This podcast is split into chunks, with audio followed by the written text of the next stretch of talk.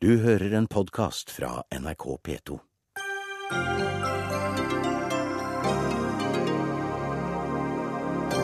Arbeiderpartiet vil ha Stortinget med på å ta imot 10 000 syriske flyktninger. Støre inviterte til møte i dag. 15% av bombene over Libya for fire år siden var norske. Lovløsheten og kaoset som nå fører til flyktningstrømmer, har Norge bidratt til å skape, sier NUPI-forsker. Dersom asylsøkerne skulle være fordelt mellom de europeiske landene etter folketall, ja, så skulle antallet til Norge vært mer enn halvert, sier UDI-direktør. Arbeiderpartiet vil nå øke lønna til bøndene. Har Ap funnet en seddelpresse som de rød-grønne ikke hadde i regjering, spør Høyre. Og Finanstilsynet skisserte to økonomiske scenarioer i dag. Det ene kan føre til boligkrakk, det andre kan gi høyere arbeidsledighet og lavere lønn.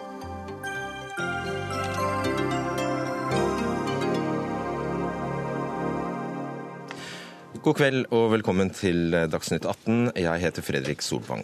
Ja, For noen timer siden møttes alle partienes parlamentariske ledere på kontoret til Jonas Gahr Støre.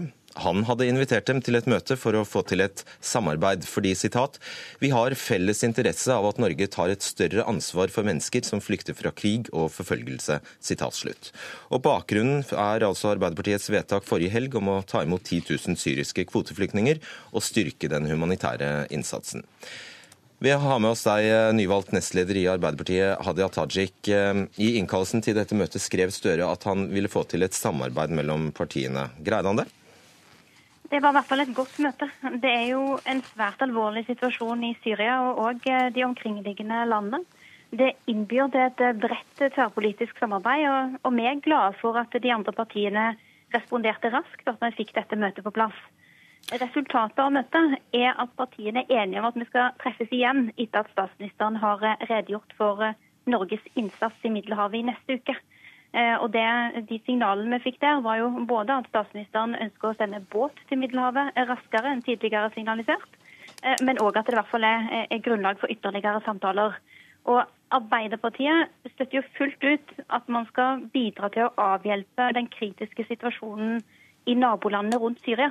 Men vi mener jo samtidig at det er viktig å komme FN i møte, som tydelig har bedt verdens land om å ta imot flere flyktninger. Og Forklar gjerne hvorfor det er naturlig at Arbeiderpartiets leder innkaller til et slikt møte. Vedtaket ble fattet på Arbeiderpartiets landsmøte nå i helgen om at Norge bør ta imot 10 eh, 000 eh, syriske flyktninger. 5000 i år og 5000 neste år. Da dette vedtaket var fattet, så ønska vi å sette dette i verk så raskt som mulig. Og Siden dette er et stort og viktig spørsmål, eh, det handler om en kritisk situasjon, en katastrofe i et annet land, så er det viktig at vi prøver å få til et bredest mulig samarbeid omkring det. Det handler òg om troverdigheten overfor kommunene, som jo skal ta imot disse menneskene og bidra til at de skal kunne få et, et bedre liv.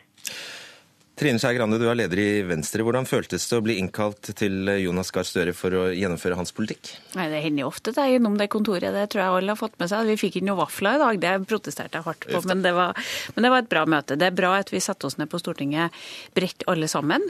Eh, når det er store saker som, som eh, egentlig krever at vi ikke gjør det til et partipolitisk spill oss imellom, men ser på hvordan vi skal klare å skape brede flertall. Og jeg tror at der ute, blant folk i Norge i dag, dag, så er det veldig mange som blir opprørt over det de ser, både fra krigsbildene i Syria, men også det som skjer på, på Middelhavet. Og dette er vår felles yttergrense. Husk på, vi er medlem av Schengen. Dette er også vår grense dette skjer. Og her er det jo faktisk slik at eh, dere har likelydende Eh, vedtak med Arbeiderpartiet? Ja, det har vi, og vi har visst hvordan vi har gjort det tidligere også.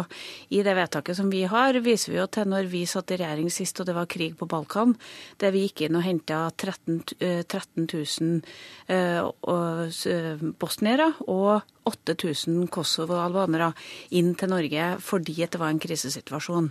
Eh, så vi har gjort dette mange ganger før, gjort et sånn felles løft, men da må vi være enige om at dette er en utfordring som vi skal løse sammen. Det var derfor vi gjerne skulle hatt regjeringspartiene her, eh, men det har vi dessverre ikke. Verken eh, Frp eller Høyre kunne stille i dag. Men du er her, Knut Arild Hareide, leder i KrF. Nå trenger jo dere knapt noe landsmøte, nå vet dere hva dere skal vedta?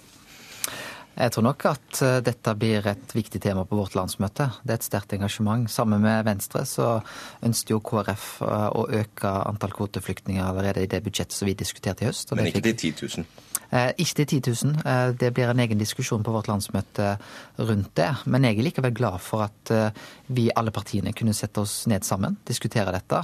For det bør ikke bli en konkurranse mellom partiene. Jeg tror det er langt viktig at vi greier å få til en brei enighet. Og det kan det ligge til rette for nå. Det er for tidlig å si om det, det blir det. Men jeg syns det er bra at vi satte oss ned.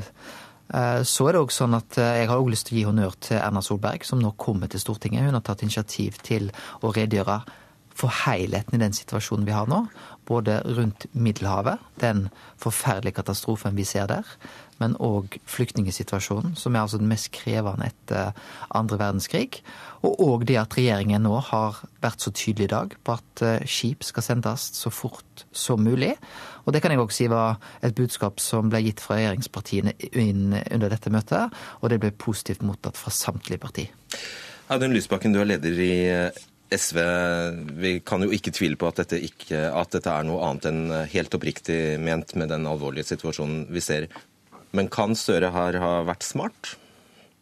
Altså, Jeg eh, tror jo det er smart å snakke sammen. Eh, og at den eh, lederen for det største partiet på Stortinget tar initiativ til det, det syns jeg er naturlig. Men det viktige er jo hva kommer til å skje nå. Og Sånn sett syns jeg det er synd at regjeringspartiene ikke er her. Fordi det som vi nå ser i ferd med å skje, er jo at det blir et flertall på Stortinget som ønsker å ta imot 10 000 syriske flyktninger. Venstre har vedtatt det, Arbeiderpartiet har vedtatt det, SV har fremmet forslag om det i Stortinget. Og jeg vil tro at Kristelig Kristelig Folkeparti og Senterpartiet kan, eh, kan, gjøre det samme. Eh, og da er jo eh, faren ved denne prosessen nå at den politiske viljen koker bort i politisk spill. Det må vi unngå. Det er to måter nå å få til en avtale om de 10 000 på. Det ene er at regjeringspartiene går med på det, ser at her er det veldig mange som ønsker å gå den veien. Det er veldig mange i Norge som gjør det, det er mange på Stortinget. Hvis det ikke går, så er jo utfordringen å få KrF og Venstre til å gå sammen med oss i den øvrige opposisjonen for å få dette til. Og det å få disse flyktningene til Norge må være viktigere enn samholdet på borgerlig side. Er det sånn dere har tenkt Hadia Tajik, at eh, dersom dere ikke klarer å samle absolutt alle partiene, så kan dere ty til Venstre og KrF? Det beste hadde jo vært om man klarte å stå sammen om dette, og at man unngikk at eh, menneskers eh, liv blir gjort til et partipolitisk spill. Men når vi har lagt fram forslaget om 10 000 syriske kvoteflyktninger, så, så håper vi å få et bredest mulig flertall bak det. Og jeg håper jo også at når man... Når Men bare for å avklare det, du, du, du, takker ikke nei til stemmene til, Høyre, til eh, Venstre og KrF, hvis det er det som må til? Nei, definitivt. Så takker vi hjertelig velkommen til det. det. det. er en så stor katastrofe. Det angår så mange mennesker.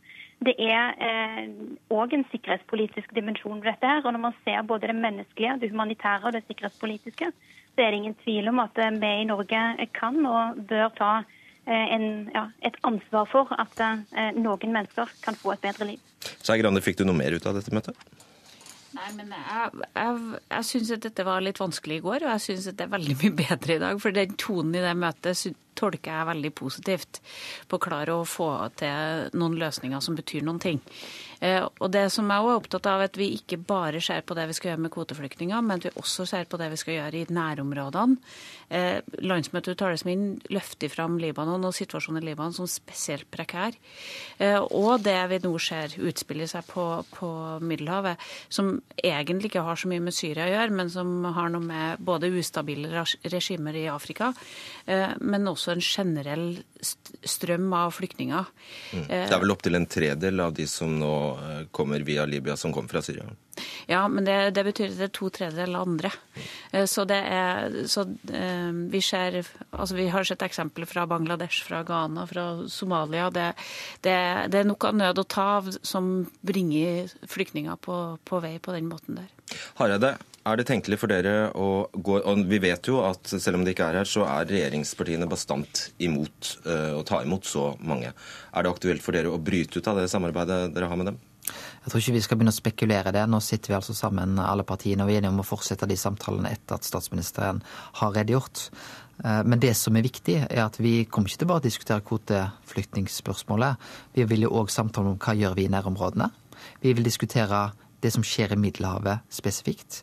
Vi vet at eh, norsk maritim eh, skipsfartsnæring er til stede der. Vi vet at hver åttende flyktning som blir fanget opp av skipene som følger den moralske kodeks og tar opp flyktninger, det er norske skip som gjør. Eh, vi vet jo òg det at dette er en menneskehandelsindustri. Kriminell industri. Vi må sette inn tiltak her. Vi hører i dag at Italia ber om at Mare Nostrum skal gjennomtas, men i en mer helhetlig europeisk regi. Hvor skal Norge bidra inn her? Så det er ikke ett spørsmål. Det er ikke bare 10 000 kvoteflyktninger som er naturlig å diskutere. Det er en helhet rundt dette, og det tror jeg vi er tjent med å se nettopp dette i en total. Lysbakken, kan du minne oss om hva deres vedtak går på? Altså Dere, dere ønsker enda flere enn 10 000? Ja, vi har foreslått 10 000 gjennom 5000 i år og 5000 neste år. Og Det er jo fordi vi tror at det er både mulig å få flertall for, og det er også mulig å integrere de menneskene i Norge. Vi, det vil selvfølgelig være dyrt, men vi må ta vår lille del av den ufattelige kostnaden som denne konflikten har. Men så, men så er jeg opptatt av at vi nå får en prosess som ikke ender opp i et vassent kompromiss, fordi Høyre og Fremskrittspartiet i utgangspunktet ikke ikke vil dette. Jeg er veldig klar for å snakke med de, men det må ikke bli sånn nå at det flertallet vi ser er i ferd med å bygges opp for mer solidaritet, bøyer seg for de som står mest imot. Og Vi ser jo nå at det trengs press på regjeringen. Nå har begynt å lytte når det gjelder norske skip til Middelhavet, men regjeringen har jo vært ubegripelig treig, og det er dessverre sånn at denne typen innsats ikke har stått øverst på dagsordenen til, til verken Høyre eller Frp. Grande svar på det. Ja, nå syns jeg statsministeren har vært veldig bra de siste timene. har Det vært en veldig bra stigning. Og jeg har jo tro på at det går an å få til endringer her. For noen måneder siden så var det Arbeiderpartiet som færre, ville ha færrest kvoteflyktninger inn til Norge. I dag så har de enda på det vedtaket som også Venstre gjorde. Så det må jo være et håp her om vi skal få en politisk utvikling i de partiene. Og de to partiene som skal ha, skal også ha landsmøte. Høyre denne helga. Så jeg håper jo at det presset øker politisk også, spesielt på Høyre, som har en tradisjon om å, stå, stå, for de, de typer verdier her også. Så jeg håper jo at det kommer til uttrykk i landsmøtet. Eh, og da begynner vi å være i mål på å ha et ganske bredt flertall på Stortinget. Og det skjer altså til helgen. Til slutt, eh, Tajik. Eh, hva er stalltipset ditt? Hvor ender dette? Jeg har eh, håp om eh, at man eh, i hvert fall tar imot flere kvoteflyktninger, helst 10 000 kvoteflyktninger. Jeg er glad for det perspektivet som også Hareide trekker fram, at man selvfølgelig også må se dette i en større helhet. At man må bidra til nærområdene, være humanitært til stede der katastrofen utspiller seg. Samtidig vil jeg minne om at situasjonen i Libanon og Jordan er kaotisk og hjelpeapparatet som er i de nærområdene, mellom ganske store problemer. Så i tillegg til at vi hjelper folk der de er, så er det viktig at vi òg bidrar til den samme type dugnad som vi så ble gjort av Norge og andre land på 90-tallet. Mm. Da situasjonen var eh, katastrofal òg eh, på Balkan at man kan gjøre samme type løft, eh, samme type arbeid nå eh, for de syriske flyktningene. Da takker jeg for at du var med oss på telefonen, Hadia Tajik, nestleder i Arbeiderpartiet. Og vi skal nå videre og snakke om eh, Libya. For mange av båtflyktningene legger altså ut fra den libyske kysten, og det skyldes lovløsheten og kaoset i Libya. Og det har Norge bidratt til å skape. Det sier du til Klassekampen i dag, Morten Bøås, seniorforsker ved Norsk utenrikspolitisk institutt. Hva mener du? Nei, Det jeg mener er at eh, vi bidro til den eh, militære intervensjonen, eh, den internasjonale, som felte Gaddafi-regimet. Og Jeg vil ikke bli forstått slik at jeg har noe sympati for dette Gaddafi-regimet, men det var måten dette skjedde på. For det vi ikke så, var at bakenfor dette regimet, altså bakenfor Gaddafi-staten, så fantes det verken en libysk stat eller egentlig en nasjonal enhet. Kan du, kan du bare minne oss om hva som skjedde? Ja, det som skjedde var jo at I kjølvannet av den arabiske våren så ble det også et folkelig opprør i eh, Libya eh, mot Gaddafi-regimet. Et eh, folkelig opprør som jeg så klart har stor sympati for. Men problemet var at den måten vi ønsket å støtte dette på, gjennom denne luftintervensjonen, så førte det til at disse opprørerne, som allerede var et ganske, ganske broket og splitta gruppe, ikke hadde noen grunn til å prøve å forene seg og føre en mer folkelig kamp og motstand mot dette regimet. Men istedenfor så de opp på våre fly, og når regimet var bombet sønder og sammen og den libyske staten lå i grus, så løp de så fort de kunne til Tripoli for å prøve å ta over makten, og siden har de kjempet om makten. Vi bidro til dette her, og vi bidro dermed til den lovløsheten som er i Libya i dag, som har gjort dette til den store, store transittkorridoren for en mengde desperate mennesker. Noen drevet av krig, andre av blokkerte muligheter for, eh, for sosial fremgang, som nå prøver så godt de kan å komme seg over til et Europa hvor de tror de skal få noe bedre. For Man kan si mye om eh, diktator Gaddafi, men han greide faktisk å eh, holde styr på grensene sine? Han holdt styr på grensene sine, og dessverre så må det sies sånn at også for det libyske folket så er situasjonen i Libya nå så dårlig at det antagelig for folk flest, som i hvert fall ikke som var spesielt politisk aktive, nok var bedre å leve i Libya under hans Libya enn det som er i dag. Mener du det? Ja, da hadde de i hvert fall trygghet, sikkerhet og forutsigbarhet, og det er totalt fraværende i dagens Libya. Så hypotetisk spørsmål, spørsmål, men hva hadde skjedd med de flyktningene som nå risikerer liv på Middelhavet dersom eh, dette, denne intervensjonen ikke hadde skjedd? Antagelig så hadde det vært færre som hadde prøvd å komme seg over. for dette, altså Ryktet om den muligheten som Libya eh, har kommet til å representere, har spredd seg blant veldig mange folk. Noen av disse er så klart drevet på flukt og ville vært på flukt uansett pga. krigens redsler i hjemland som Syria, og en del som kommer fra ulike lokalkonflikter i Sahel-området. Men mange er også folk som nødvendigvis ikke flykter pga. krig, eh, spesielt fra en del afrikanske land, men pga.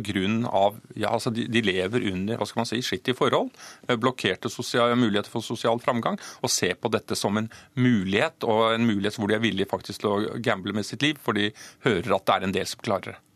Og så skal vi bare ta to ord om eh, de eh, øvrige afrikanerne som oppholdt seg, altså arbeidsinnvandrerne som oppholdt seg i Libya, som nå også forsøker å komme seg over Middelhavet. Ja, altså En av de tingene vi bidro til, var å jage nesten en million eh, afrikanske arbeidsmigranter ut av Libya. For at de måtte stikke av, og for de ble sett på som medløpere til Gaddafi-regimet. Mange av de vendte hjem med veldig lite til omtrent ingenting. En del av de har vendt tilbake igjen, og noen av de har pga. de kontaktpunktene de hadde etablert i Libya, nå også blitt en del av det som omtales som traffickerne, som menneskesmuglerne. Og Det hjelper ikke å skyte en eller to av de. Det vil, så lenge, lenge lovløsheten i Libya eksisterer, så vil det bare dukke opp nye. Det trengs en bredere og mer helhetlig tilnærming til dette her, enn disse målrettede angrepene som det nå snakkes om. Audun Lysbakken, leder, fortsatt leder i SV. Dette er jo en knusende dom. Ja, men det er en analyse som jeg eh, veldig langt på vei er enig i, og som jeg sjøl har både skrevet og framført flere ganger. Eh, jeg tror det er... Og du var med på intervjuet, bare for å minne om det. SV sa altså ja til å slippe disse bommene. Ja, eh, men det vi sa ja til, var jo noe helt annet enn det den krigen ble. Og det er jo en viktig del av den erfaringen. Det var snakk om den gangen i mars 2011 å etablere en flyforbudssone. Det var noe vi støttet ut fra sympati nettopp med opprøret, sånn som Bøås sier. Og frykten for hva Gaddafi sine soldater kunne gjøre da i Benghazi, som er Libyas nest største by, der de da var på vei, så utviklet dette seg til noe helt annet. Nemlig til en eh, Nato-bombekrig for regimeskifte. Eh, derfor snudde jo SV. Vi sa at vi eh, nå var mot det. Og jeg tror jeg kan si at uten SV i regjering, så hadde ikke de norske flyene blitt trukket ut den sommeren sånn som de ble. Samtidig er jo et av dine hovedankepunkter at Vesten i dette tilfellet bestemmer seg altfor raskt. Så da hjelper det jo ikke om man trekker seg ut hvis man bestemmer seg for raskt. Det ble i hvert fall tatt en veldig rask avgjørelse. Nå har ikke jeg noe interesse, jeg studerer heller ikke norsk politikk, og det er ikke det jeg jobber med å gå inn i en debatt om, eh, om hva som skjedde internt her. Men et problem i forbindelse med den type internasjonale intervensjoner, det være seg i Libya og andre steder, er at avgjørelser blir tatt veldig hurtig.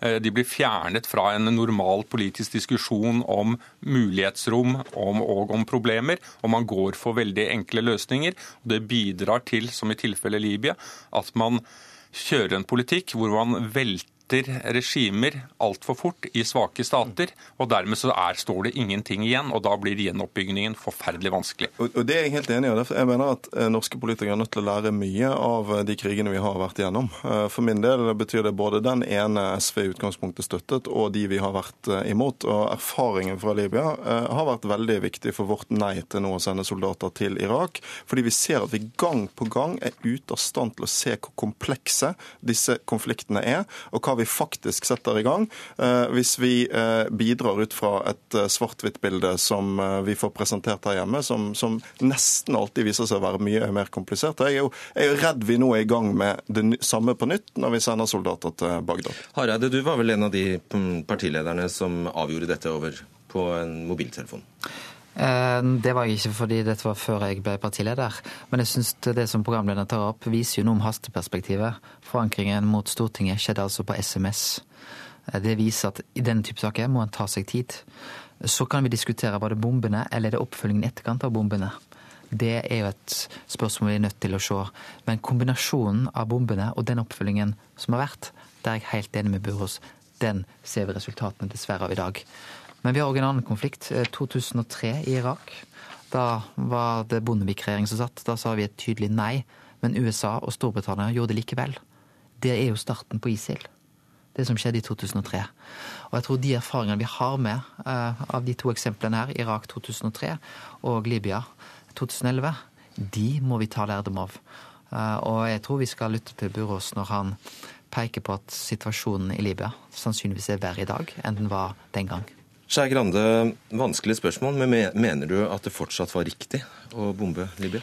Jeg mener at sånne avgjørelser og sånne type altså deltakelse sånn, vil man alltid kunne si i etterkant hadde både feil og rett i seg.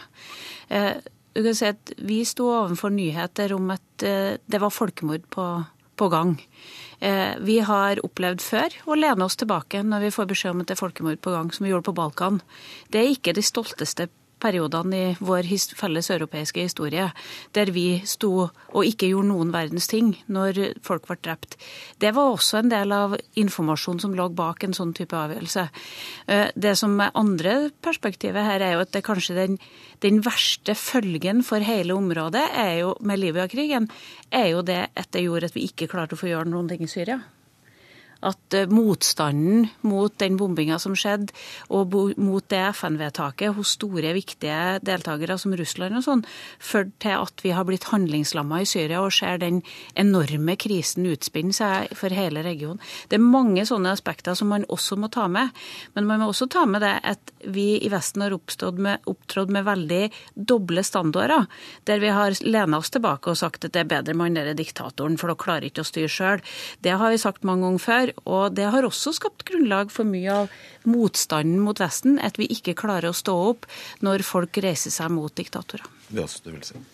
Ja, altså, jeg tror Det er et par ting som er viktig her. Det ene er at eh, vi trenger en bredere og mer skikkelig debatt om Norge og Norges krigsdeltakelse, og hva vi kan lære av den, både fra, fra Afghanistan eh, og fra mm, fra, fra, Libya. Og Samtidig så mener jeg at eh, Norge har faktisk en viss grad av tyngde internasjonalt, og det trengs noen stemmer som sier at dette må man også lære av internasjonalt. For at vi har en tendens til å begå de samme feilene om og om igjen. Mm. Man skulle trodd at man hadde lært en del ting, en lekse fra USA og Irak, og bl.a. Altså denne avbatifiseringen av den irakiske staten som Hareide peker på, som er direkte peker fram mot det IS vi ser i, ser i dag. Og at, man, at, den lærdommen da noen år etterpå var helt fraværende når det kom til Libya. Både når det gjaldt selve den militære kampanjen med bombene, men også med den totale mangelen på oppfølging etterpå, hvor man på mange måter bare avskrev Libya og sa at dette her har libyerne penger nok til å ordne opp i selv. Hjelper ikke å ha en potensielt stor statskasse hvis du ikke har en stat med legitimitet som kan bruke de pengene. For å kunne være den stemmen, Lysbakken, så må dere vel i det minste holde dere på Stortinget? Ja, altså Det er jo en viktig jobb vi gjør i SV. Det å holde oppe den utenrikspolitiske debatten. Det er viktig at det finnes noen andre stemmer som f.eks. kritiserer bidraget i Irak. Det som skjedde i Libya, var at Nato misbrukte det mandatet Nato fikk eh, av FN. Gjorde det til noe helt annet. Det var ganske ødeleggende, bl.a. for eh, det har Skei Grande rett i, verdenssamfunnets evne til å stå sammen i møte med Syriakrisen som kom etterpå. Men jeg har lyst til å bare problematisere én ting. fordi at det er jo ikke sånn at hvis Gaddafi hadde vært der i dag, så hadde vi ikke hatt noen flyktningkrise krise. Sånn flyktningene kommer jo fra eh, eh, krigen i Syria, fra diktaturet i Eritrea, fra krigen i Somalia. Eh, og en av grunnene til at det var færre flyktninger en periode, var at EU hadde inngått en avtale med Gaddafi om å holde de unna. Jeg syns jo ikke Europa kan basere seg på at vi skal få diktatorer til å hindre folk i å flykte. Så det var ingen god måte Men av og til så fungerer det vel dessverre sånn ut av syne, ut av sinn? Ja, men det er jo ingen god løsning. Og for de menneskene det gjaldt, så var heller ikke den behandlingen de fikk gjennom det regimet spesielt god. Mm. Du vil si noe helt på tampen? Ja, nå må det jo sies at uh, I tillegg til denne flyktningkatastrofen som uh, nå utspiller seg her, så utspiller det seg også en humanitær katastrofe sør for, uh, for Libya. Som delvis også er en følge av at det Libya som også ikke bare bidro gjennom Gaddafi med krig og konflikter og støtte til opprørsbevegelser, men også bidro med investeringer og mulighet for arbeid og arbeidsinnvandrere som sendte penger hjem til land som Mali, Niger osv. Det har helt falt bort. Og det er folk her som i denne randsonen til Libya som også lever med konsekvensen av det som skjedde. Kan man ha en diskusjon om uh, hva var best, hva var dårligst, men at dette her fikk store konsekvenser, det vi var med og bidro til i Libya, og som vi ikke har vært veldig, veldig mye villige til å diskutere, det er udiskutabelt.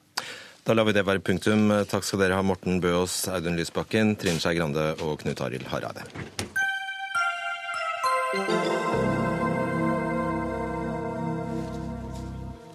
Mange av båtflyktningene kommer jo, som eh, vi hører, eh, over eh, Middelhavet. Vi skal nå diskutere dette videre med direktøren i UDI, Frode Forfang. For en god del av disse som nå legger ut på denne farefulle ferden, de skulle man forvente søkte asyl i de landene de ankom, Forfang. Men sånn er det ikke nødvendigvis. Nei, det vi ser er at veldig mange asylsøkere foretrekker å reise mye lenger nordover i Europa. Altså Det kom jo rundt 200 000 mennesker over Middelhavet i fjor. Eh, men det var bare 65 000 som søkte asyl i Italia i fjor, og veldig mange av de kom faktisk ikke over Middelhavet.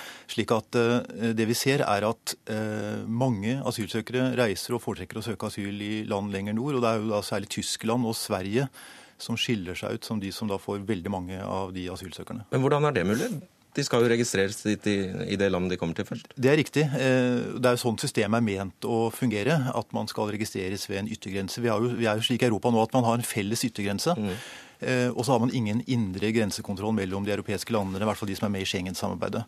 Eh, og det som er da en stor utfordring, er jo at det kommer mange inn til Schengen-området som man ikke har oversikt over, ikke vet hvem er, og som ikke får registrert sin identitet. Eh, og så reiser de videre innover Europa og, og, søker da en del av dem asyl andre steder. Men da sier jo du at det er noen land som jukser. Det er noen land som ikke gjør jobben sin, rett og slett. Altså det, altså det, er vanskelig å si jukser. Altså det er ikke noe tvil om at Italia, som er det landet som flest ankommer til, Italia gjør en enorm innsats i Middelhavet. Eh, Italia har reddet mange liv, eh, ikke bare nå i år, men, men over flere år. Slik at Italia har en, en betydelig, altså skal få betydelig anerkjennelse for det de gjør.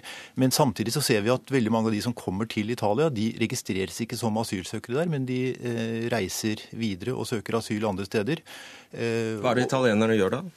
Nei, altså, Italienerne skal i prinsippet registrere alle som kommer. De skal ta fingeravtrykk av dem, slik at de kan legges inn i en europeisk fingeravtrykkdatabase. Det er det Italia skal gjøre. Eh, men det vi ser er at eh, det gjøres ikke i, alle tilfeller, eller heller ikke et flertall av tilfellene. Slik at veldig mange kommer seg da videre i Europa uten å være eh, registrert der de kommer først. Og det er da du sier at dersom asylsøkerne faktisk skulle vært fordelt mellom de europeiske landene etter folketall, så skulle antallet til Norge vært halvert? Ja, altså Norges, De som først og fremst skulle fått færre, er jo særlig Sverige. For Sverige får desidert eh, flest nå i Europa i forhold til eh, folketallet. Men det er nesten et eget fenomen? Det er et eget fenomen, men, men det sier noe om altså Det som er interessant, det er at det er jo 28 EU-land. Legger du til Norge og Sveits, er det 30.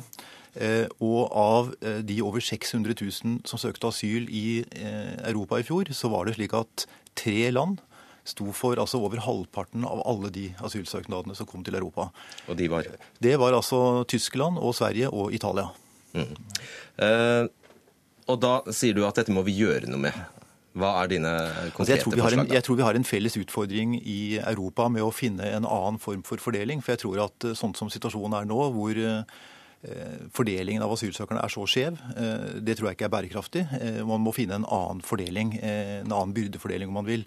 Og jeg tror at det, det er mange debatter rundt dette, men jeg tror det må starte med eh, selve spørsmålet om registrering eh, av eh, asylsøknadene der de først kommer, slik at man har en oversikt over faktisk grensene, yttergrensene til Europa, og slik at man har en oversikt over hvem disse er. Og så Deretter så tror jeg det dannes et bedre grunnlag for å kunne diskutere hvordan man skal fordele denne byrden. Og da sier du at den eh, registreringen må også være tvungen? Ja, og det er ikke bare jeg som sier det. Altså, dette, er, dette er et eh, utbredt synspunkt eh, i hele EU. Og det er jo også et synspunkt som deles av FNs høykommissær for flyktninger. At det er helt avgjørende for å få til et samarbeid i Europa om flyktninger at de som kommer til, til EUs yttergrense, at de faktisk blir i så stor grad som mulig registrert med fingeravtrykk. Og så bør det på det grunnlaget eh, diskuteres Fordeles det, liksom? Ja, eller i hvert fall Det kan også være utgangspunktet for å diskutere hvordan kan man få til en, en, en bedre byrdefordeling i Europa. Fortell litt kort, Hvorfor tror du de reiser mot nord? Det er vanskelig å si. Det, det, har i hvert fall ikke med uh, hvor sjansen er størst for å få innvilget en asylsøknad. Fordi uh, praksis i uh, de ulike europeiske landene er ikke så veldig forskjellig. Har du et beskyttelsesbehov, så får du asyl enten du søker i Norge, Sverige eller Italia for den saks skyld. Italia tror jeg faktisk til og med har en enda litt mer liberal praksis enn det enkelte land lenger nord har. Så det som er en av årsakene, det tror jeg er at i Italia, når du får asyl der, eller hvis du får asyl der, så så blir du overlatt helt til deg selv. Det er ingen oppfølging, det er ingen integrering. Eh, og den manglende oppfølgingen, det at du blir overlatt helt til deg selv eh, i den situasjonen, det er noe som gjør Italia mindre attraktivt. Mens landene lenger nord tar et mye større ansvar for integreringsprosessen i etterkant. Og for å få dem inn i samfunnet og, og hjelpe dem eh, til et liv i det nye landet. Vi er egentlig på overtid, men det er et spørsmål jeg så gjerne vil eh, stille deg. For du eh, viser til at Spania i hele fjor fikk omtrent like mange asylsøkere som Sverige nå får på, et par dager, og som Norge får på et par måneder. Og du irriterer deg over asylpolitikken til Portugal og Spania? Jeg kan ikke si at jeg irriterer meg over det. Det er mer for å illustrere. fordi det er jo slik at det er ikke Spania og Portugal som velger å få så få asylsøkere, men det er asylsøkerne som faktisk velger å ikke dra dit. Eh, slik at det er ikke en slags form for irritasjon, men det ble skapt et inntrykk av at det er landene i sør som får de fleste asylsøkerne. Og det var for å på en måte nyansere litt det bildet, at det er faktisk ikke landene i sør som får flest asylsøkere, i betydningen flest som søker om asyl. Eh, det er det faktisk eh, land lenger nord eh, som får, og i forhold til folketallet definitivt land lenger nord som får i vesentlig større grad. Da har vi slått hull på den myten. Tusen takk skal du ha, Frode Forfang, direktør i UDI. Hør Dagsnytt 18 når du vil. Radio NRK Radio.nrk.no.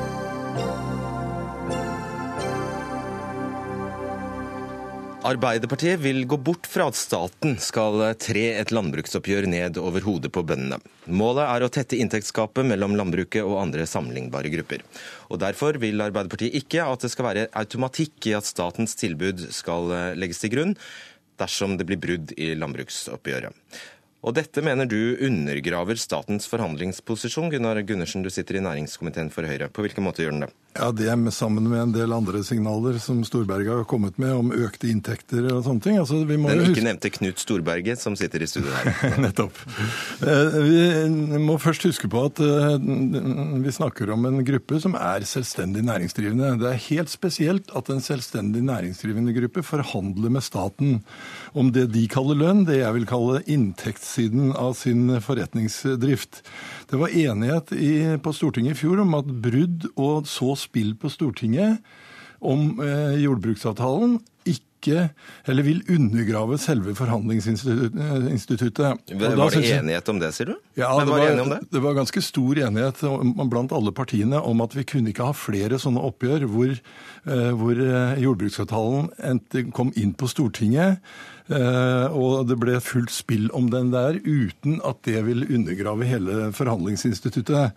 Det var det mange partier som ga uttrykk for. Og så er det det Jeg syns jo det er, det er merkelig nå at eh, i dagens situasjon i Norge, hvor vi vet at vi har et stort omstillingsbehov, vi er, vi er under press pga. fallende oljepris, og resten av Norge viser moderasjon, at Storberget da går ut med sånne signaler til en eh, spesiell gruppe. Vi, allerede i fjor, så gjennom oppgjøret i fjor, så fikk jordbruket et, lønn, et historisk løft inntektsmessig. 8,7 viser nå budsjettnemnda. Ok, La oss slippe til Knut Storberget. da. Du sitter altså i næringskomiteen for eh, Arbeiderpartiet og er landbrukspolitisk talsperson. Ehm, ja, Fredag leverer altså bondeorganisasjonene sine krav til staten, så du har jo en elendig timing her, da? Det syns jeg er faktisk ganske god, eh, for å være helt ærlig. For Arbeiderpartiet er det helt avgjørende at vi får eh, si, fortsette den produktivitetsutviklinga som har vært blant norske bønder. Det er jo altså den yrkes, eller den gruppa i Norge da, av selvstendig næringsdrivende som egentlig har størst produktivitetsvekst. Vi trenger å produsere mer mat i Norge, og vi trenger mer trygg mat. Det vil være helt politisk galt for Arbeiderpartiet, og det var Arbeiderpartiets landsmøte som sa det, og ikke bare jeg, å gå ut nå og si det at uansett hva Fremskrittspartiet og Høyre legger nå på bordet, hvis de gjør alvor av sine dramatiske kutt som man gjorde i opposisjon, på 5 milliarder, så skal vi støtte dem. Altså Det er derfor jeg sier det er jo ingen automatikk at vi gjør det. Og i fjor, ja, men, så, var, vent litt, fjor så var jo også situasjonen den at da oppfattet jo ikke bare Arbeiderpartiet at tilbudet var dårlig. Men det var jo sånn at et, et, flertall på Stortinget mente at dette var dårlig, og fant grunn til å skrive også merknader at hvis man skal lykkes med forhandlingsinstituttet til neste år, altså i år, så er man nødt for å, å, legge seg på en annen linje. Man er faktisk nødt for å høre på stortingsflertallet. Men, og jeg får lyst til å spørre Gundersen, Husker du hva Høyre gjorde når dere var i opposisjon? Ja, vi, vi, gikk aldri ut i forkant av forhandlingene. Vi var uenige etterpå. Men det, det helt spesielle nå er jo ja. som, du, du, du, kommer altså fra et oppgjør i fjor der bøndene fikk 8,7% inntektsvekst. Det er, det er, langt utover det noen andre grupper har. Snakk om prinsippene her, snille. Men, men også til Gundersen. Du sier det at uh, Høyre respekterte altså når det var opposisjon, uh, forhandlingene i forkant. Men i etterkant, når partene var blitt enige, så gjorde altså Høyre det grepet i Stortinget at man valgte å kutte betydelig i den framforhandla jordbruksavtalen. Så hvis Gunnar Gundersen nå sitter og er så iuga tilhenger av forhandlingsinstituttet, så må jeg si at er det noen som slår rekord i å rive ned et slikt institutt, så må det være Høyre gjennom tidene. Nei, men... vi, vi, ønsker oss at regjeringen nå skal klare å forhandle fram en jordbruksavtale, men vi mener med fullt alvor at man må da lytte til det flertallet som finnes i Stortinget. Vi er lytte ikke villige til å sette systemet. Uh, lytte til deg, mener du jo da, Storberget. Arbeiderpartiets landsmøte, Venstre og Kristelig Folkeparti har gitt veldig klare signaler sammen i næringskomiteen om dette. Slik at Det er jo derfor vi sier at nå bør man sørge for å få forhandlingsinstituttet på skinner. Kan du ikke snu på dette og se, se at det kan være en fordel for regjeringen å vite hva partiene står for på forhånd? Nei, men altså, det, vi, vi, diskuterer jo jordbruksoppgjøret, og vi diskuterer landbrukspolitikken eh, ganske ofte. Så det er, jo, det er jo åpenbart at man må få synliggjøre. Men, men Knut Storberget prøvde seg i fjor med at jordbrukspolitikken styres fra hans kontor, og det var det ingen som kjente seg igjen i. Jeg, eh, altså, poenget her er at vi er i en situasjon hvor landet for øvrig viser moderasjon og, og har respekt for at vår konkurransekraft må bedres.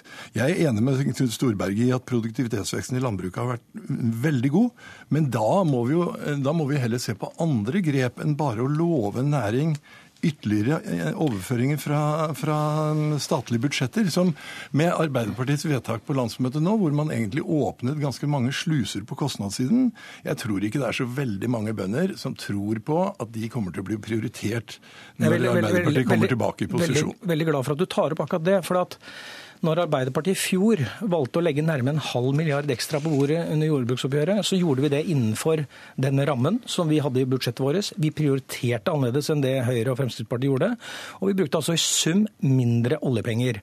Slik at dette, Dere gjorde det ikke i regjering. Dette, dette, er fullt mulig å gjøre. Vi lager alternative budsjetter, slik at uh, det foretas prioriteringer. Og for Arbeiderpartiet så er det jo nå viktigere enn noen gang at vi nettopp sikrer økt matproduksjon i Norge, og at den er trygg og god, den maten ja, vi spiser. Og samtidig, når man snakker om omstilling fra en ganske, ans, eh, ganske pressende oljeøkonomi, hva vil det ikke være mest nærliggende da? At vi satser på den, den næringa i Norge som faktisk produserer mat ut fra helt andre ressurser enn det vi nå er veldig avhengig av, og som samtidig har vist stor produktivitetsvekst.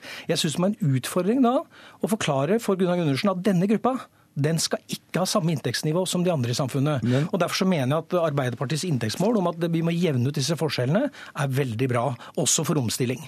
Vi peker på at det er en rekke andre grep som må gjøres. Vi vil jo deregulere næringa og gi helt andre muligheter. Storberget bruker speilet til å prøve å styre framover. En, en, næring som, som, jo, det er helt riktig, den har vist produktivitetsvekst. Den, vi har bønder som er meget omstillingsdyktige. Og, og de vil klare en, en utfordring ut imot en jeg vil tilbake, jeg vil, eh, Vent litt nå. Jeg vil tilbake til dette prinsippet vi egentlig snakker om. Altså om at uh, det finnes et forhandlingsinstitutt mellom bøndene og staten. Og Gundersen, altså i dag vet jo staten, og har jo staten den store fordelen av at de vet at deres tilbud vil bli lagt til grunn hvis det blir eh, brudd. Ja, det, de. det, er jo, det er jo snakk om eh, kostnader på et statsbudsjett, og det er det faktisk Stortinget som har ansvaret for. Men som jeg sa, det er altså en gruppe som er selvstendig næringsdrivende. Det er helt eksepsjonelt at de som gruppe har en forhandlingsrett overfor staten. Det er ingen andre selvstendig næringsdrivende som har det. Så allerede der er det et unntak. Og det, det, jo, det går jo på politikk. Det, det, som er det prinsipielle, det er jo at når staten nå skal legge fram sitt tilbud, og man velger å samme kurs som i fjor, hvis man gjør det i år, nemlig et tilbud som ikke er i samsvar med det Venstre, Kristelig Folkeparti, Arbeiderpartiet, SV og Senterpartiet har sagt i Stortinget, da får man en situasjon hvor man bringer dette inn i Stortinget. Så jeg, jeg syns Gunnar Gundersen må lære seg å forsvare mindretallsregjering. Og da må man i større grad forankre landbrukspolitikken og også tilbudet i den politikken som er signalisert i Stortinget. Nå har det fått klare signaler fra Arbeiderpartiet, det kom klare signaler fra Venstre, og da har det gjort også løpende fra de andre partiene. Så nå synes jeg at hvis man er glad i forhandlingsinstituttet, så må man stikke fingeren i jorda. Hva er det vi har politisk flertall for? Og så forhandle ut ifra det. Jeg må bare gjenta at jeg syns det nesten er uhørt at man går inn og sier det. Sånne ting rett før både krav skal presenteres og eventuelt et tilbud, et tilbud kommer. Det er ganske spesielt at man selv som opposisjon går rett inn i å skape forventninger i forhold til sånne forhandlinger. Den, den respekten hadde vi. Ja, men det blir i hvert fall debatt av det. Takk skal dere ha, Knut Storberget og Gunnar Gundersen.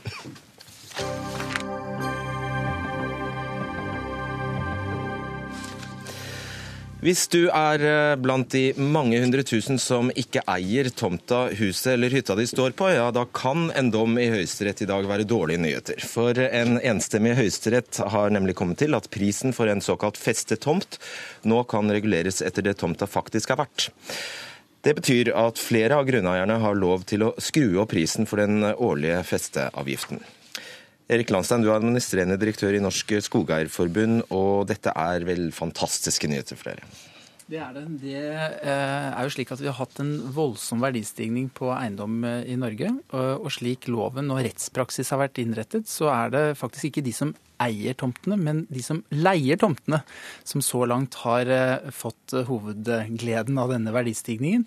Og det Høyesterett har sagt i dag, er at eh, slik kan det ikke være. For Den europeiske menneske, menneskerettighetskommisjonen har Domstolen. Domstolen mener jeg, har sagt at den praksis som vi har i Norge, den krenker grunnleggende rettigheter.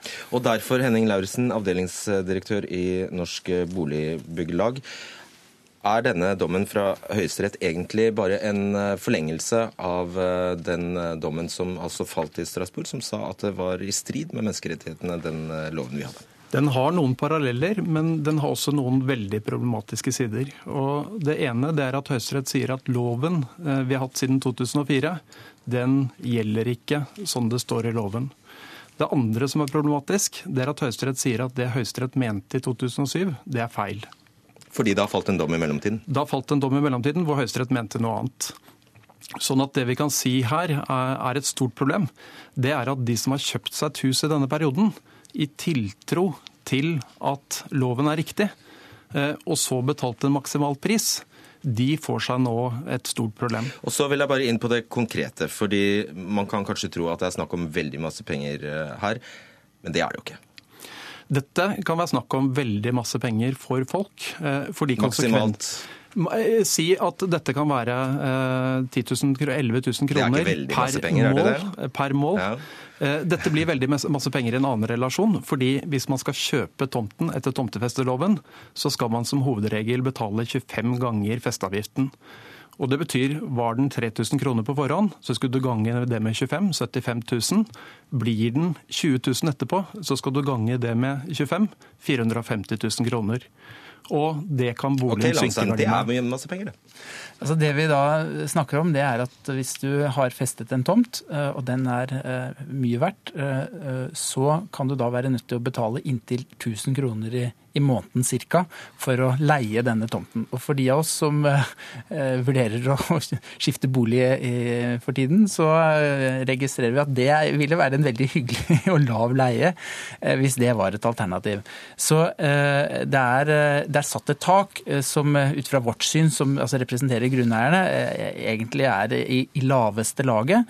Men jeg er enig med Lauritzen i at den, den usikkerheten og den, den politiske dragkampen som har vært omkring omkring tomtefeste er ulykkelig, rett og slett. Både for bortfestere og for de som fester. Så her er det rett og slett viktig både at loven endres og at rettspraksis endres, slik at vi slipper den situasjonen som vi har hatt nå gjennom mange år. Og statssekretær i Justisdepartementet Vidar Brein Karlsen, loven skal jo endres. Dere har nå sendt ut en ny tomtefestelov på høring. Hvilken betydning får denne dommen i Høyesterett for den høringsrunden?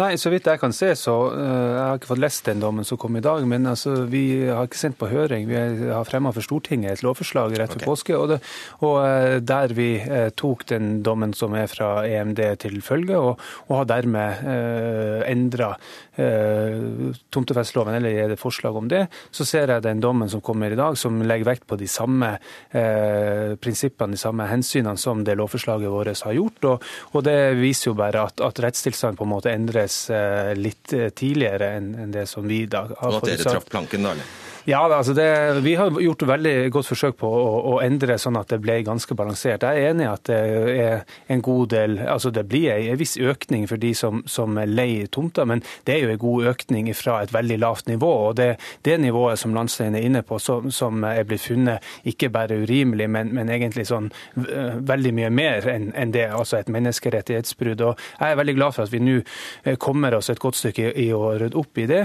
Og så vil jeg bare si at Vi har også tatt hensyn til til det, det Fester sier her. For, vi, vi, har ikke dratt til så hardt at eh, Og, og vi, har, vi har passer på at Grunnloven på en måte, og tilbakevirkningsforbudet også skal ivaretas eh, i denne prosessen. Så jeg tror vi har funnet en balansert løsning, og Høyesterett kommer også med Og Jeg tror vi har mistet omtrent halvparten av lytterne. Ja, men La Lauritzen, gir dere dere med dette? Og nå kommer jo loven som vi hører ligger tett opp til eh, dommen. Nei, vi gir oss ikke med dette. Og den loven, hvis den blir vedtatt som Justisdepartementet og regjeringen har foreslått, den kommer til å føre til massive problemer. For den har akkurat samme problemer som jeg beskrev i sted, nemlig at mange har innrettet seg, og så kommer det bestemmelser som endrer på det man har gjort. Eh, det som kommer til å bli et kjempestort problem, eh, det er kort og godt at mange får høyere boutgifter. Boligene synker i verdi. Eh, og det kommer ikke folk til å akseptere, så de kommer til å gå til domstolene. Hvem, bare, bare til det. Hvem er dere egentlig? Altså, eh, det høres jo ut som dere liksom er ja, småkårsfolk som, som en gang har festa et hus på en tomt, men det trenger dere ikke nødvendigvis å være? Nei, vi er, en, vi er, en, veldig sammensatt gruppe. Er, jeg kommer fra norske boligbyggelag. Vi er hovedsakelig borettslag og sameier blant våre medlemmer, som fester tomter. Så jobber vi sammen med Hytteforbundet, hytteeiere. Eh, vi jobber sammen med Huseierforbundet. Det kan være hyttebaroner? Det kan være hyttebaroner, det kan være småkortsfolk, Det er festere. Eh, så der har du hele spekteret.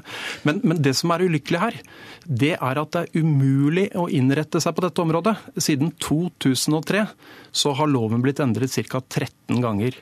Siden 2003... Blant annet fordi dere har anket og anket og anket? Det har ingenting med dommene å gjøre. Eh, siden 2003 så har det vært ca. 50 høyesterettssaker på dette området. Og det gjør det vanskelig å finne ut hva man skal gjøre. Det skjønner jeg. Eh, Landstein, dere er også veldig uenige om hvor mange dette omfatter? Ja, Det er eh, om lag 170 000 eh, festekontrakter. Eh, det var i hvert fall det dette lovutvalget kom til.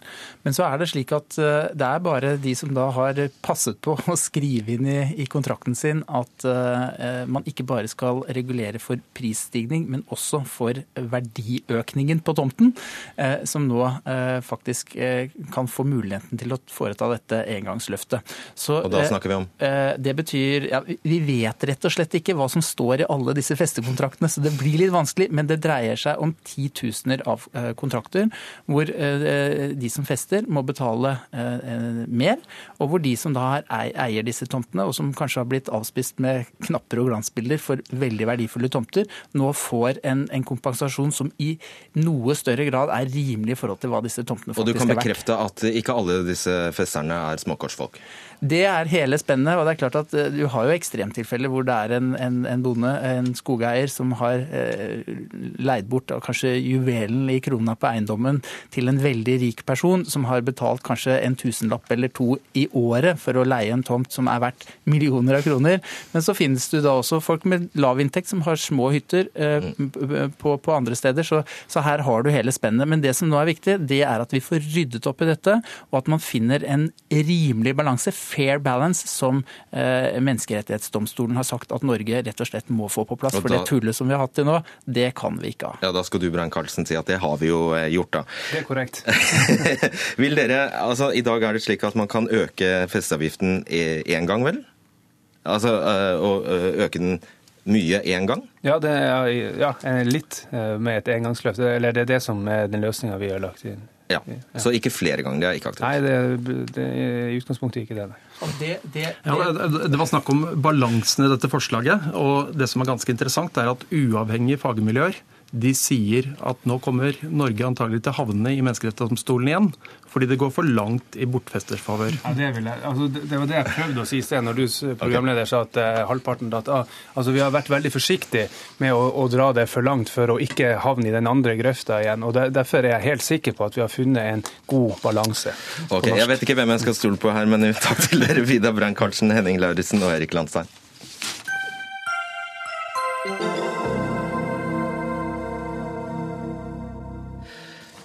I dag presenterte Finanstilsynet to mulige scenarioer for norsk økonomi. Det ene, I det ene frykter de at uh, boligkrakk kan oppstå. Og i det andre uh, scenarioet så vil vi oppleve høyere arbeidsledighet og lavere lønnsvekst. Altså to forholdsvis dårlige alternativer. Velkommen hit, finanstilsynsdirektør Morten Baltersen. Takk. Eh, Ja, vi må visst forberede oss på tøffe tider åkke som. Eh, Hva er det som bekymrer deg aller mest? Det er den situasjonen vi har eh, hvor eh, boligprisene øker sterkt, og hvor husholdningene har høy gjeld, og hvor gjelden fortsetter å øke mer enn inntektene. Ja, og den Og er på og to, over 200 nå. Av eh, inntektene for husholdningene samlet sett. Og bak der så er det jo en del husholdninger som ikke har gjeld i det hele tatt, og en del som har svært høy gjeld. Kan, kan du utdype disse to hovedscenarioene du la fram i dag? Ja, Det er ikke noen prognoser for norsk økonomi, men det er eksempler på mulige forløp eh, som eh, begge kan eh, bidra til eh, å svekke stabiliteten i det norske finanssystemet. Det ene forløpet er eh, et hvor det går bra i norsk økonomi noen år framover fortsatt, og oljeprisen tar seg noe opp, og arbeidsledigheten forblir lav, og rentene forblir eh, rekordlave. Da kan vi eh, se et mulig forløp der gjeld og boligpriser fortsetter å øke. Og til det sa du det er ikke bærekraftig to ganger, sa du. Det er ikke bærekraftig, fordi da bygges det fallhøyde. eh, Og verden vil jo bestå utover den femårsperioden vi har gitt prognose for, eller som vi har eh, eh, som utgangspunkt for denne, denne analysen. Eh, Og et, en eller annen gang så vil jo dette snu, og da kan, eh, kan eh, fallet bli stort hvis det fortsetter å bygge seg opp på denne måten. Og det andre stagnasjonsscenarioet. Det har også veldig kjipe sider. Det er et, et utfall der det går dårligere i norsk økonomi, det går dårligere i internasjonal økonomi. Oljeprisen fortsetter å falle, arbeidsledigheten øker her. Og rentene går også opp som eh, følge av økte risikopremier i internasjonale lånemarkeder, som igjen vil eh, slå inn i det norske markedet. I, en eh, slik utvikling så vil vi se at en del vil få problemer med å betjene lånene sine. Da vil de etterspørre mindre lån. Det kan igjen bidra til at etterspørselen etter boliger blir lavere. Da blir panteverdiene lavere, som igjen gir lavere grunnlag for lån. slik at eh, en spiral eh, i form av økte panteverdier og, og økt gjeld, som vi nå har sett, og som kan fortsette i dette første scenarioet, det vil da virke med motsatt eh, fortegn. Og i en slik situasjon så vil vi også raskt se økte tap i bankene og problemer i norsk næringsliv. Kristian Anton Smedsheim, du er leder i Agri Analyse. To ganske dårlige, to ganske dystre scenarioer, dette her. Men er det noe Finanstilsynet glemmer? Jeg tror Finanstilsynet synes jeg er ganske ryddig på dette. for De påpeker at hvis du er eh, verdens tredje mest forgjeldede folk, med over 200 av eh, inntekten din i gjeld Vi har hatt boligpriser som har steget eh, ifølge Financial Times nest mest i verden. Det var i Israel som ligger foran oss. Så er det vel kanskje på tide å tenke seg om, når vi vet at vi har hatt krise fra Røykjavik til Madrid og fra Los Angeles til Sofia i, i de siste årene. Og dette har vært knyttet nettopp til høye boligpriser, forgjelding av husholdningene, og at man ikke har gjort grep tidsnok. Men så har markedet da satt inn eh, sine mekanismer, og dette har falt ganske betydelig. Så Finanstilsynet er på ganske trygg is. Spørsmålet er om Finanstilsynets tiltak, som jo er ganske begrenset, for de har bare en liten del av den politiske verktøykassa, er tilstrekkelig til å gjøre noe med dette. Eh, og Det tror ikke jeg, men tiltakene de foreslår er for så vidt fornuftige. Analysen tror jeg er god. Spørsmålet er om politikerne tar dette i den bredden det fortjener. Og Da er det spesielt, eh, spesielt EØS-innvandring du er opptatt av, som Finanstilsynet du ikke mener Finanstilsynet nødvendigvis tar nok hensyn til? Altså, jeg bare understreker etterspørselssiden her er ganske ekstrem. fordi at vi har jo et ca økning på befolkningen med ca. 60 000 i året, altså 10 000-15 000 i netto fødselsoverskudd, og da en 45 000 i netto innvandring. og Det er jo EØS-innvandringen som er hoveddelen. Og Det er jo en størrelse som vi ikke kjenner eh, hvor, lang, hvor, stor kommer til å bli i framtida, men som nå er høy. Dvs. Si at vi ligger og konkurrerer med Sveits om høyest nettoinnvandring i Europa. og Sveits sliter med de samme utfordringene som oss. Høye boligpriser, vanskelig å bygge nok infrastruktur, delvis forgjelding av husholdningene som da får høye priser. Og vi har tilsvarende London, som har en veldig spesiell tilflytningssituasjon. For da flytter jo også mange fra Øst-Europa til London for de føler det er sikkert osv. i en situasjon hvor ting er vanskelig andre steder. Så vi opplever parallellitet i andre land, og vi har en tilflytning i et fri flytsystem som gjør dette ganske vanskelig. Det er vanskelig å bygge boliger fort nok, eller som den irske sosialminister sa når hun var her i 2013, hvis dere er i den situasjonen vi var før finanskrisen, at vi arbeidsinnvandrere kom og bygde boliger til nye arbeidsinnvandrere, så eh, må dere være forsiktige. Waltersen, har dere husket i analysen å ta med EØS-innvandrerne? Vi eh, har lagt vekt på at dette er etterspørselsdrevet. Den veksten vi har sett og ser i eh, boligpriser og i eh, husholdningsgjeld. Og viktige drivkrefter her er det lav rente, det er lav arbeidsledighet og høy inntektsvekst, som folk har vært vant med og det er lav eh, boligbeskatning. Men også eh, befolkningsvekst, og særlig eh, tilflytting til byene. Og der, til, ja. der, der, har vi vektlagt at vi, vi, må huske på at i oppgangstider, som vi har hatt lang tid med i, i Norge, så uh, er det ofte stor tilflytning. Det har vi opplevd i Norge, og det opplevde Irland, det opplevde Spania i oppgang. Men når konjunkturen snur og nedgangen kommer, så vil man også lett se at denne migrasjonen snur den andre veien. Vi spår ikke at det nødvendigvis vil skje i Norge, men må, vi må legge til grunn at noe av de samme effektene kan gjøre seg gjeldende her, selv om situasjonen er annerledes enn det den var i Irland og i mm. Spania. Mm. Og der, der du Smedsheim, da påpeker at vi har faktisk ingen netto innenlandsk tilflytting til Oslo, f.eks. Den skyldes utelukkende innvandring.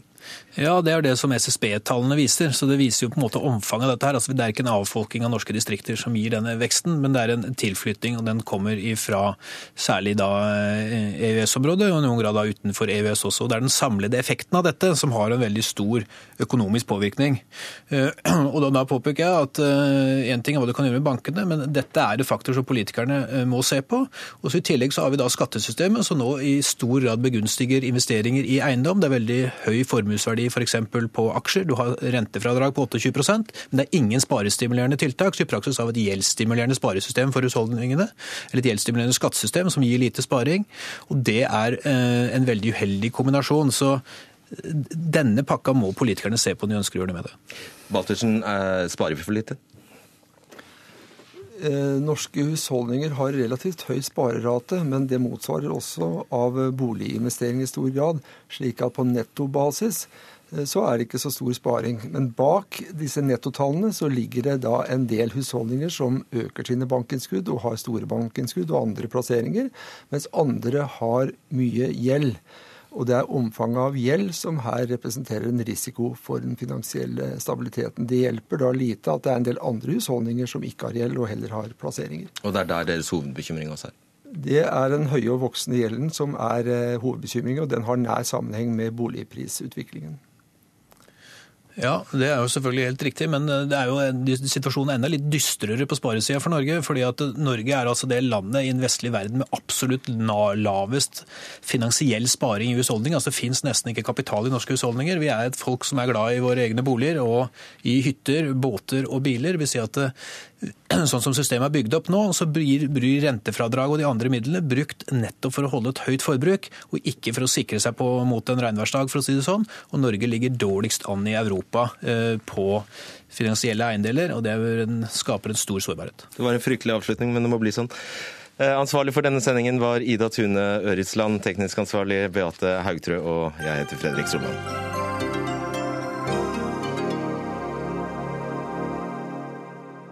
Du har hørt en podkast fra NRK P2.